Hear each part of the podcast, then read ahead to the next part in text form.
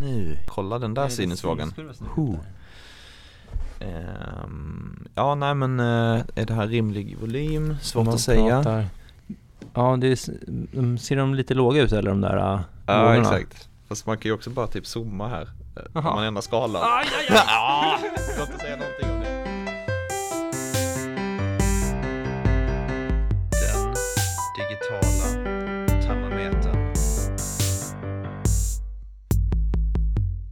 Ja, då säger vi välkomna till eh, ett nytt avsnitt av Den digitala termometern.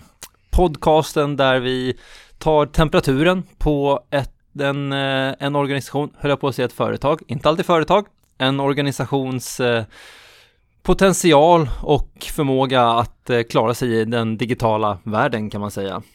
Och vi som gör det här är som vanligt jag, Henrik Karlsson och min kompis Patrik Nilsson och vi är ju eh, strategikonsulter hos eh, Knowit till vardags. Yes, det stämmer bra.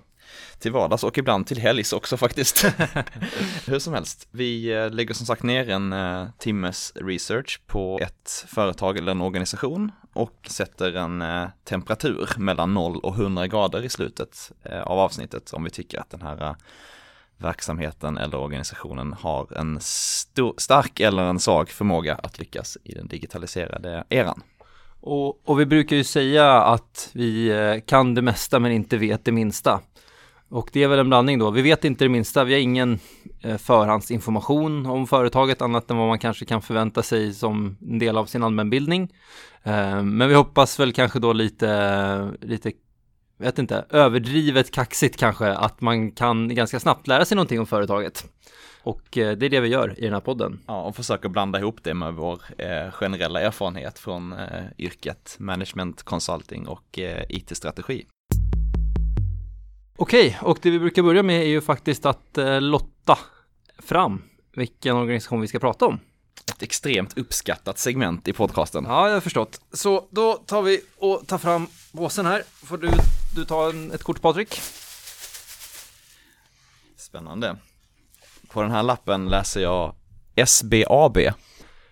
Spontana reaktioner. Inte SSAB, inte Saab, SBAB, eh, bolåneföretag. Eh, känns som att det kanske är statligt ägt, jag tror det, Mm. lite osäker. Eh, jag är däremot rätt säker på att det ligger i Sundbyberg eller kanske Solna i närheten av där jag bor. För jag brukar springa förbi en, ett kontor där det står SBAB på titt som. Ah, då, då är det ju säkert i alla fall något typ av kontor som ligger där. Nej men eh, jag känner till att det är statligt ägt och de har väl ganska bra ränta generellt sett. Inte jättebra, men å andra sidan så behöver man i princip aldrig förhandla om ränta utan alla får samma. Om jag fattat det. Man har ju massa ingångsparametrar såklart vad man eh, har för typ av ja, riskprofil i någon mån, vad man tjänar, eh, ja, värdet på bostaden och allt sånt där möjligt. Eh, så får man en ränta utifrån det och det är den som gäller.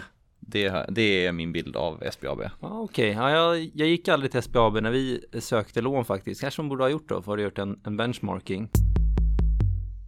Fotbollsliknelsen då. Då har vi alltså en organisation, jag tror att de kanske har röd logotyp, så man tänker de som spelar i ett rött lag. Eh, du säger att de är statliga, så någon som kanske då är, någon som gillar staten, men kanske inte gör så mycket väsen av sig och eh, inte är, är, är lika framåt som sina konkurrenter men ändå gnuggar på där i bakgrunden. Då landar jag kanske i Henrik Rydström, den eh, gamle Kalmarspelaren, eh, lagkapten i Kalmar under många år eh, och tror att han är lite politiskt intresserad kanske åt, eh, åt vänsterspektrat. Men eh, gjorde alltid bra ifrån sig, mycket stabil, var en gång på gång till AIK men, men det blev inte av. Ehm, och någon som då alltid, någon som alltid tuggar på och, och står för kvalitet och, och säkerhet på något sätt. Det kanske blir får, får bli en liknelse här. Mm, ja men den är väl bra. Jag antar att du tänker här då lite att eh, om man är politiskt lagd lite åt vänster så är man väldigt mycket för ett statligt bolåneinstitut. Var det någon sån koppling du tänkte? Ja men det var så jag tänkte, exakt. Jag införde ju i förra avsnittet ett nytt liknelsesegment som eh, gick ut på att jämföra med någon typ av musiker. Jag tänkte att eh, man skulle kunna bredda det här och att bara ha ett liknelsesegment rent allmänt där det är nytt tema varje gång. Det låter superfint. Så idag är det faktiskt en maträtt. Okej, Då tänkte jag att eh, SBAB känns väldigt mycket som en köttfärslimpa. Den är Eh, det är en, liksom en statlig bank. Eh, köttfärslimpan är ju en ganska mycket en eh, folkhemsrätt. Jag har pratat om folkhemmet i ett annat avsnitt också, Cloetta om jag inte minns fel. Hur som helst, köttfärslimpan den är stabil, den är enkel, man vet vad man får, inga krusiduller eller konstigheter. Men också ganska tråkig. Det är i alla fall min generella bild här av eh, SBAB. Låt oss se om den är sann då, kan vi väl få validera under vår research som vi kanske ska sätta igång nu då. Det är lika bra att köra. Fast innan vi drar igång researchen, det finns ju faktiskt en ganska uppenbar musikliknelse här. Det gamla proggbandet Blå Tåget, vars eh, mest kända låt ju är Staten och kapitalet. Passar inte den ganska bra in här? det låter väl jättebra. Eh, Okej, okay. Staten och kapitalet ger ju mig tanken till Ebba Grön. Men... Ja, precis, och det är ju en, en cover då. Um, med lite färre verser också. Det I originalet är det lite fler verser faktiskt. Som är, den är ganska bra, den kan man ju tipsa om. Om det är ett proggband så låter det rimligt med många verser. Då kör vi igång vår research och eh, ser vad vi kan hitta på temat SBAB och digitalisering. Sådär, var timmen över. Och eh, du brukar alltid vara bra på att göra lite svep om, eh, om organisationerna vi pratar om Patrik. Vad, vad har vi hittat? Ja men vi, lite kort bakgrund då, SBAB. Eh, jag tror att det från början var förkortningen Statens bostadsfinansieringsaktiebolag. Men det säger man nog inte längre utan det har blivit SBAB och det är det som bolaget heter. Eh, men det är helägt av staten, eh, svenska staten. Grundades 1985 och eh, ja, deras verksamhet, det är ju en bank. De tillhandahåller lån och möjligheter till sparande för privatpersoner, bostadsrättsföreningar och fastighetsbolag i Sverige. Så fokus och eh, kärnaffären här är ju eh, boende, boendeekonomi och eh, bolån. Eh, cirka 400 anställda, huvudkontor i Solna. Ja, ah, perfekt. Som du misstänkte. Eh, för de har ju inga bankkontor, så har du sett skylten så är det antagligen huvudkontoret. Just det. De har ju eh, en intressant grej att de har, äger 70% i eh, Booli Search Technology, så känner till eh, appen eller tjänsten Booli för mäklarstatistik va? Alltså, eh, eller är, är det som Hemnet förresten? Är det en konkurrent till Hemnet? Ja, men förut var det en konkurrent till Hemnet, men sen så har jag för mig, jag tror faktiskt att Hemnet hade köpt upp Booli, men det kanske hade delat sig eller något sånt där då. Eh, Booli har ju, har ju slutpriser fortfarande tror jag. Men inte, eh, inte ut, objekt som är ute, tror jag. Faktiskt lite osäker. Fokusera inte på det i alla fall. Ska vi hoppa in lite på den interna delen eller? Ja, men jag tänkte kunde, eh, det här med affärsmodellen tycker jag var, var intressant. Eh, att de har otroligt enkla processer. Eh, det här med, du, du verkar ju veta det, det var imponerande, men att det var, det är ingen förhandling av bolån, utan de tar in ett antal parametrar, eh, storlek och, och så vidare. Och sen så får du din, eh, din ränta baserat på det och, och amorteringskrav och så vidare.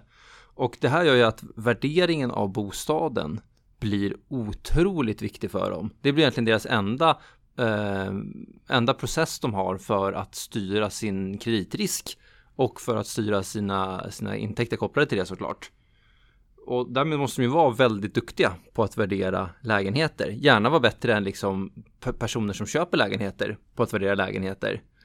Och det är säkert därför de har investerat i Booli kan man tänka då. Exakt. Eh, att de då ja, har, har köpt en teknologi för att på ett effektivt sätt värdera lägenheter. Precis, för de har ju också den här appen Värdeguiden. Har du testat den? Som egentligen går ut på att man gör en snabbvärdering av sin bostad. Man skriver in adress eller bostaden man ska köpa eh, eller sin egen om man är intresserad av att veta vilken den har gått upp i värde. Eh, men man eh, skriver in eh, ja, hur stor den är och vilken månadsavgift man har och lite andra parametrar så får man eh, jämföra den med eh, andra objekt i närheten. Jag vet inte exakt hur den algoritmen ser ut. Det känns inte som att det är superavancerat eftersom att det är ganska få inparametrar och att den tar genomsnittet av eh, det som ligger i närområdet och räknar ut ett eh, indikativt pris på vad bostaden borde vara värd. Ja, eh, det kanske är så. I så fall så tar de ju själva en, en liten risk då om de inte har en, eh, en jätteavancerad modell för att räkna ut. Men om de skulle ha, till slut så måste de ju sannolikt landa i en väldigt avancerad modell. Då borde ju det kunna bli någonting som de kan sälja till oss privatpersoner till exempel. Alltså om jag kan säga då att jag vill ha en, en tillräckligt hög standard lägenhet som ska vara si så stor i det här, det här området. Eh, berätta för mig när det kommer ut ett, ett objekt på marknaden som verkar gå till underpris. Och så ja, kan, kan liksom den, den tjänsten skvätta fram det. det. Det känns som en potentiell intäktsström som de kanske kan eh, gräva lite i.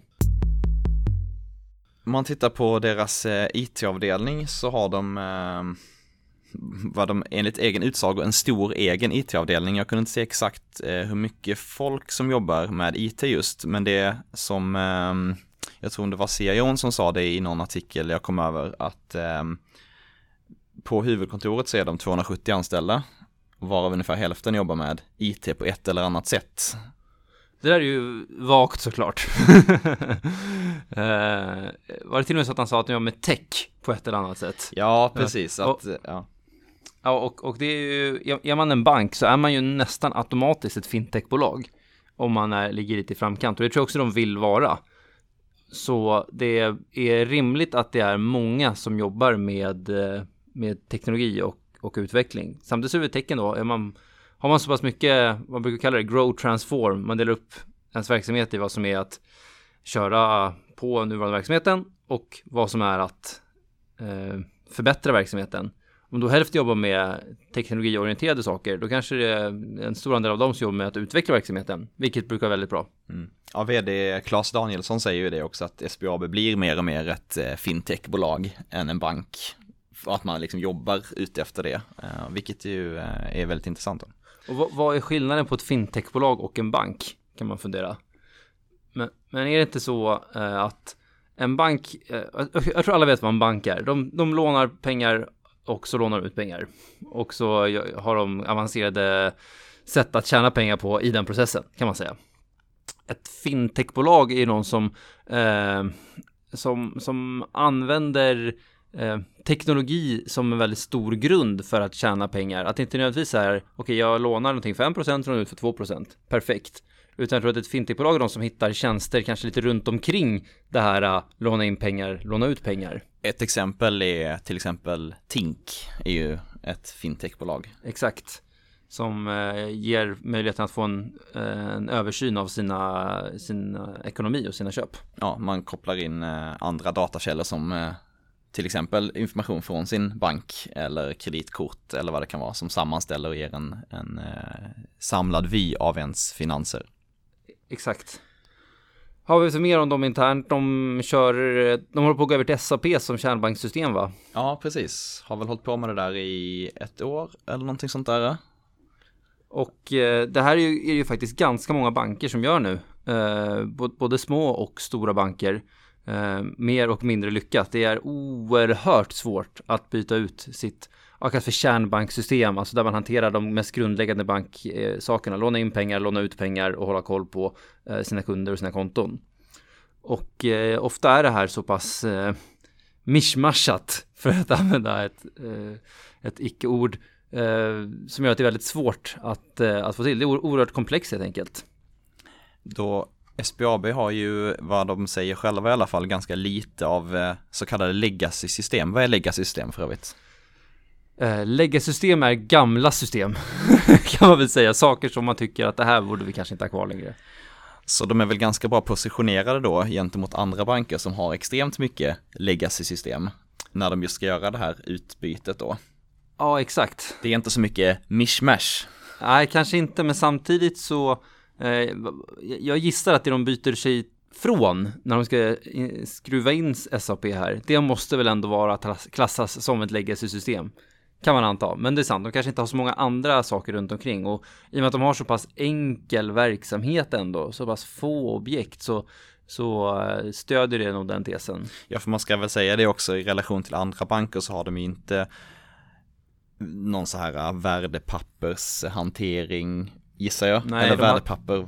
vad är det egentligen? De har ju såklart obligationer, nej inte obligationer, de har, eh, jo precis, obligationer som de använder för eh, upplåning av, eh, ja, för att kunna finansiera bolånen.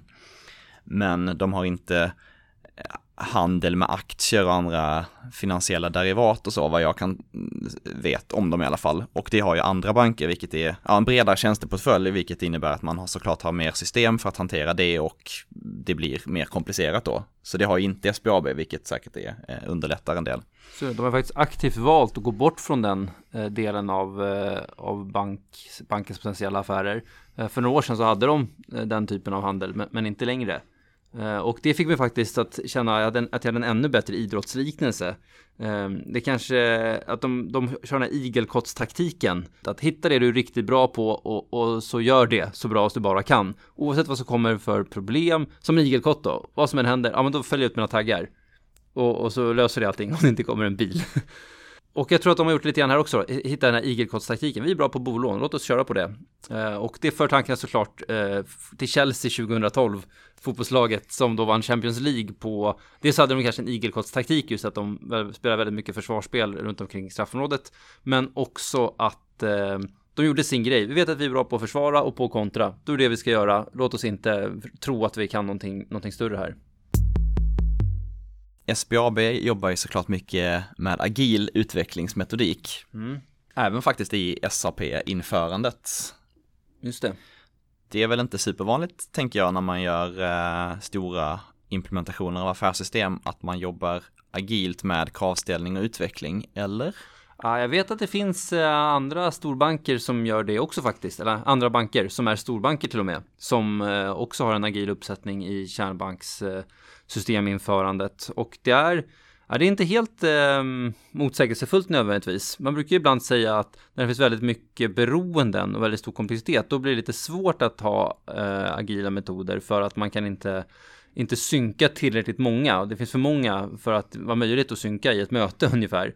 Men eh, jag vet att det används tidigare så att det är nog inte helt orimligt ändå. Nej, och det låter ju ändå rätt smart som de beskriver att de tar en, till exempel en process i taget eh, eller en funktion i taget och gör mindre releaser. Exakt, och jag gillade, gillade också att i samband med de här eh, SAP-införandet så verkar de ha insett, i alla fall säger de det, så jag hoppas de har insett det, att det, det, stora de gör nu, det är inte att införa SAP. Det här är ju helt grundläggande funktioner, inga som helst konkurrensfördelar. Utan det är viktiga för dem det är att satsa på bra integrationer. Att göra det lätt att i framtiden, eh, ja, vad är en integration? Att prata med det här mm, kärnbankssystemet. Eh, det är liksom nyckeln i införandet och det verkar de ha förstått. Ja, och att man ovanpå det då lägger på eh, andra tjänster som är mer specialiserade eller konkurrens, eh, som skapar konkurrensfördelar.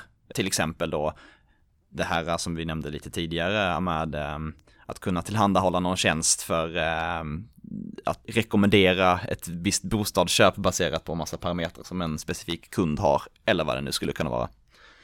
Just det, och infrastrukturmässigt så, eh, precis som alla andra, är de förstås intresserade av att flytta upp mycket till molnet. Eh, flytta upp till molnet som att det är upp verkligen, flytta det till någon annans datahall. Och här har de ju valt att inte gå med någon av de här stora internationella aktörerna som Amazon och Google utan på något litet svenskt bolag. Och vad, vad är din spaning på det Patrik? Precis, City Cloud heter det där bolaget om jag har fattat saken rätt. Och eh, det de gör där, de har ju köpt en eh, private cloud-lösning. Vad är private cloud? Private cloud är att man har en egen uppsättning av servrar kan man säga. Public cloud, då är det då någon annan som har en massa servrar och så bara lånar jag lite delar här och var. Private cloud, då har du ju Eh, många av aspekterna av, av cloud, det vill säga att du kan snabbt få tillgång till en ny server och mycket virtualisering och sånt där som andra eh, teknikintresserade kommer uppskatta. Men eh, du har ändå dina egna infrastruktur. Ja, så man delar, precis, man delar inte infrastruktur med andra. Så ett exempel på public cloud skulle kunna vara Amazon eller um, ja, Apple tillhandahåller väl uh, vissa sådana tjänster och, och, Google också givetvis. Alltså är inte public cloud bara ett vanligt, du har ett datacenter fast du har lagt på en mängd av de normala funktionaliteterna som nu också finns i public cloud? Ja, jo men så är det ju faktiskt. Private cloud, en hög virtualiserad miljö väldigt flexibelt och smidigt. Ja. Äh, men det är ju framförallt, skulle jag säga, av säkerhetsskäl som man väljer att investera i ett private cloud jämfört med i alla fall public cloud då. Och då är ju frågan, är det verkligen eh, så nödvändigt att ha det? Hur tänker du då? Men jag tänker att eh, det man brukar säga är att man är ju rädd för eh, att dela eh, infrastruktur med andra, vilket motiveras av att man kanske utsätts för större risker eh, beroende på vilken annan organisation man delar eh, datacenter med, det vet man ju inte. Men å andra sidan brukar ju Eh, de här eh, leverantörerna av även public cloud vara ganska säkra. Det är rätt så sällan man hör talas om att det skulle gå ner eller dataintrång och sånt där. Ja visst, liknelsen man kan göra det är, eh, det känns bra att ha pengarna, om man skulle ha massa pengar, att ha dem hemma i madrassen. Så jag har, jag har kontroll på den, men samtidigt så är ändå min bedömning att de är ännu säkrare hos en bank till exempel. Och det är väl någon, någon liknelse man kan göra här också, att det känns ofta bra att ha saker eh, för sig själv, men Eh, det är inte alltid det är säkrare bara för att man själv tar hand om det kan man säga. Och då kan det här eh, private cloud kanske vara någon, någon best practice mellan båda de här. Att de båda har en avgränsad del där ingen annan, liksom väldigt liten ens teoretisk hackningssannolikhet just kopplat till delning i alla fall. Det finns många andra svagheter säkert. Eh, men man får också den flexibiliteten som ett moln innebär. Mm. Det här med att de har en nischspelare då, att de liksom, de är, de är första kunden till de här uh, City Cloud. Uh, ligger det i linje tycker du med SBABs uh, övriga, uh, övriga satsningar, övriga strategi och, och uppsättning? Det känns ju väldigt progressivt. Man har ju ett uppdrag från är det näringsdepartementet, regeringen? Låt oss, eh, Låt oss kalla det för, för det. Ja. Eh, att vara just eh, i framkant vad gäller innovation och digitalisering. Eh, och det känns ju som att, ja men ska man vara väldigt flexibel, eh, kunna ha möjligheten att utveckla nya tjänster väldigt snabbt, ja men då är ju cloud-lösningar en, en förutsättning för det. Vi pratade lite om det i förra avsnittet också. Om man har en annan typ av leverans av infrastruktur där uppsättning av en ny server tar upp till en vecka eh, eller någonting sånt där så alltså behöver man ju, blir man ju inte lika eh, snabbfotad vad gäller eh, att leverera nya tjänster till marknaden. Samtidigt kan jag uppleva att eh det, det som kan vara svårt för medelstora företag, det är att när de jobbar med de riktigt stora partners, då får de ingen som helst att säga till om. Eh, för att de riktigt stora företagen struntar i de mellanstora företagen. Ja, exakt, vilket ju talar för då den här uh, lite mindre uh, nischspelaren, uh, den här City Cloud, att där har man nog ganska mycket att säga till om, för de är nog inte så stora, så de kan nog ställa, SBAB kan nog ställa rätt stora krav på den här leverantören, framförallt också som de är först ut och en bra exempelkund för, för City Cloud då. Risken blir såklart att om, om man då har en liten partner, att den partnern inte är så stabil. Att eh, eh, nu har jag inte läst på om Citycloud, de är, säkert, de kanske är mycket större än vad man kan förvänta sig, men om man ska ta ett allmänt, eh, allmänt case här så hittar man liksom för nischade eh, nischade partners att arbeta med, då kanske det finns tre, fyra stycken som är väldigt duktiga på det bolaget. Vad händer om de slutar? Och det kan kännas bra att jag vet att jag kan ringa Kalle om jag har något problem. Men tänk om Kalle slutar, vem ska du ringa då? Eh, jag vet att e- Ericsson fick, eh, inte senaste år kanske, men tidigare fall har de köpt upp väldigt många bolag för de har i sin eh, leverantörskedja gjort sig beroende av småföretag. När sen de småföretagen kommer i finansiella problem och inte kan leverera längre, då är Ericsson liksom, liksom inget val än att hjälpa dem och därmed köpa upp dem. Det är ju risken man löper när man jobbar som, när man är ett medelstort företag, nu är inte Ericsson ett medelstort företag, men när man är ett medelstort företag och jobbar med, med småspelare. Mm. Eh, apropå cloud så har de ju också, eh, var de ganska tydliga med att använda Salesforce som eh, CRM-plattform. Och CRM-plattform, vad är det? Jo, CRM är ju Customer Relationship Management, alltså det verktyg som man använder för att hålla koll på sina kunder lite förenklat kundmasterdata och att man har en gemensam bild på alla delar i verksamheten, har en förståelse för en specifik kund, vad eh, den har för tjänster hos eh, företaget och eh, annan information kopplat till till kunden, inte minst i det här fallet handlar det säkert om inkomst och räntor och värde på bostad och andra typer av lån man har, riskprofiler och sådär. Så de är ganska progressiva, din proggliknelse i början där blir, blir starkare och starkare. Um, appen. Ja, ja, de har ingen native app för banktjänster vi har kunnat se. De har en, en mobilanpassad hemsida. Eh, men inte någon, eh, ja, en egen app. Och vi kanske kan, vi behöver inte prata om det nu, men vi kanske får ett framtida avsnitt kan man diskutera vad är fördelar och nackdelar med att ha en egen app versus en mobilsida. Men, eh, men de som använder mobilsidan verkar vara ganska nöjda med den. Man kan göra det mesta. Alla dokument också lagrade digitalt. Bolån, eh, påskrivna och sånt där, så man slipper spara papper. Jag har faktiskt gjort en lista här.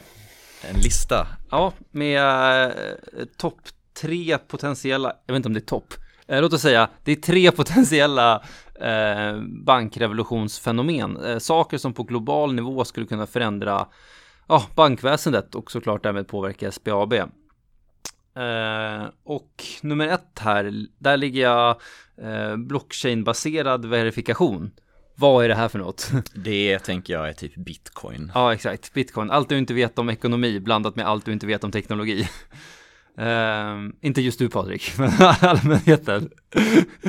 uh, även att um, Eh, en av bankernas stora styrkor har historiskt sett varit att de har hållit koll på personer, vilka är det som har lånat in, vilka är det som har lånat ut och kunna verifiera att de här går att lita på, de här går inte att lita på blockchain-teknologi distribuerar den verifieringen så att eh, liksom hela populationen tillsammans lyckas avgöra vad, vad som är en giltig transaktion och inte. Och det borde över tiden göra det lite lättare att, eh, att eh, hålla och starta bank. Risken här såklart, det som vi sett med bitcoin är att det finns utan kontroller av, av någon så finns det heller i, ja, finns det stort spelrum för kriminella element att, eh, att applicera då. Ja, det vill säga man kan använda den här valutan för att göra eh, ljusskygga transaktioner på internet. Exakt. Så uh, än så länge har, just applikationen bitcoin inte funkat jättebra. Men det kommer, den teknologin som blockchain har kommer säkert att få mycket påverkan på, på mer rimliga delar av en bank. Exakt, och det som händer då också det är ju att den uh, tidigare statliga kontrollen på det finansiella systemet upphör ju egentligen i någon mån. Och, och, och det är också extrema fluktuationer i värdet på de här eh, kryptovalutorna. Exakt, exakt. Punkt två, eh, peer-to-peer-lån. Där eh, banker inte själva behöver ställa upp som säkerhet och låna in pengar och sen låna ut pengar. Utan att man har en tjänst som egentligen kopplar ihop någon som vill låna ut med någon som vill låna pengar. Uber för pengar, typ. Uber för pengar, exakt. Eh, och det är märkligt att det inte har slagit mer faktiskt. Men jag tror att ett problem här är att några av de tjänsterna som kom tidigt här klantade till det, om man ska vara ärlig. Mm. Trust Buddy var ett sånt exempel. Eh, som blev ganska framgångsrika i början, men sen lyckades inte företagsledningen hålla sig från att typ sno pengarna som folk ville investera. Poängen med att ha en sån här och inte vara en bank, det är att man inte får ha pengarna på sin balansräkning. Nu är det lite ekonomiska termer här då, men eh, för en bank är balansräkning mycket viktigare än resultaträkningen. Och om man är sån här peer-to-peer-lån, då får aldrig pengarna dyka upp på balansräkningen. Men det Trustbud gjorde var att ja, men vi flyttar över liksom lite pengar som folk vill investera och så gör vi lite egna investeringar i vårt företag istället och så hoppas vi på att liksom det kommer lite nya pengar från folk som vill, vill låna ut. Mm. Uh, och det blev som ett pyramidspel mm. och till slut så gick ju det inte längre såklart. Men, men jag tror att kommer också en lite vettigare spelare här så kan det här uh, vara någonting. Och det här är ju kanske då Airbnb för, för, för banken, exakt. Men vad händer då? Vem har ansvaret för att se till att ett lån betalas tillbaka, är det den här aktören som tillhandahåller tjänsten eller är det den personen som själv har lånat ut pengarna? Bra fråga. Eh, I det här, eh, jag såg något annat case, ett finskt bolag, där var det, bolaget tillhandahöll kreditvärderingen eh, och den såg också till att sprida ut så att om du vill låna ut 100 kronor och det finns 10 andra som vill låna 100 kronor, då lånar du 10 kronor var till dem. Mm. Så att du inte sitter på risken att hela dina 100 kronor försvinner, utan du liksom sprider så det blir ett genomsnitt. Um, men uh, det verkar rimligt då då, då kommer ju aldrig än någon som lånat ut pengar att själv kunna söka upp den som har lånat pengar. De vet kanske inte ens vem som har lånat pengar. Uh, så det verkar rimligt att det ska finnas ett inkassoförfarande också då hos, uh, hos företaget här. Just det. Okej, den tredje då, det här kanske är en bubblare, uh, men det är egentligen säkerhet och också kopplat lite grann till effekten av det här PSD2. Alla vet vad PSD2 är för något, det är så gammalt.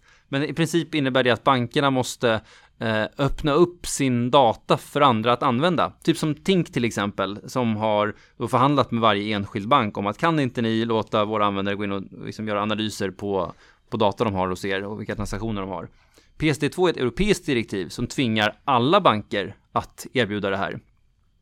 Och det kommer att eh, göra att många fler tjänster får, liksom kan hantera din bankdata Eh, vilket kommer ställa väldigt stora säkerhetskrav på många fler aktörer än bara bankerna. Och med liksom ökad AI, ökad social engineering, vi har väl, många har väl sett den här filmen när, när Googles eh, eh speech to text och text to speech dator ringer upp en eh, frisör och ska boka en tid och låter exakt som en vanlig människa. Um, om, och social engineering är då att man inte hackar Eh, praktiskt med kod utan att man eh, ringer och pratar med människor som har tillgång till, till data och liksom manövrerar dem till att, eh, till att få komma in i systemet. Om man slår upp då AI och social engineering och att, på väldigt många, att det på väldigt många ställen finns en risk, då, då uppstår en potentiellt säkerhetsproblem då och man kanske tappar förtroende för bankers och penningsystemets förmåga att hantera mina pengar.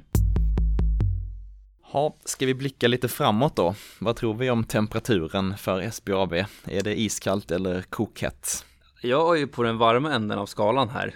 Ehm, dels om man ska tänka, vi brukar tänka internt och externt. Om man ska börja tänka in, internt då, vad de vad de gör och, och, hur de tänker.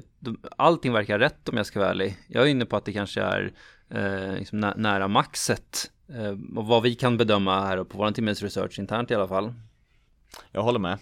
Eh, det som talar för då, det är ju det här med att de har väldigt, eh, de har lite få legacy-system, de implementerar SAP, det verkar ganska bra, de har det som liksom ett rent basbanksystem, de har en strategi att kunna koppla på eh, tjänster ovanpå det för att bli konkurrenskraftiga.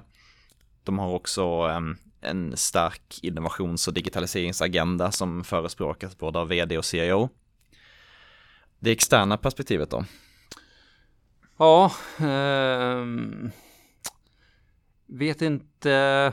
De, de har ju som sagt ganska få verksamheter, men det de gör verkar de göra ganska bra. Jag vet inte om jag ska betrakta det som, som positivt eller negativt. Jag väl kanske som positivt om jag ska vara ärlig. Det var väl kanske den här äh, appen då som du hade kollat lite på, att den kanske inte hade alla funktioner som man kan förvänta sig.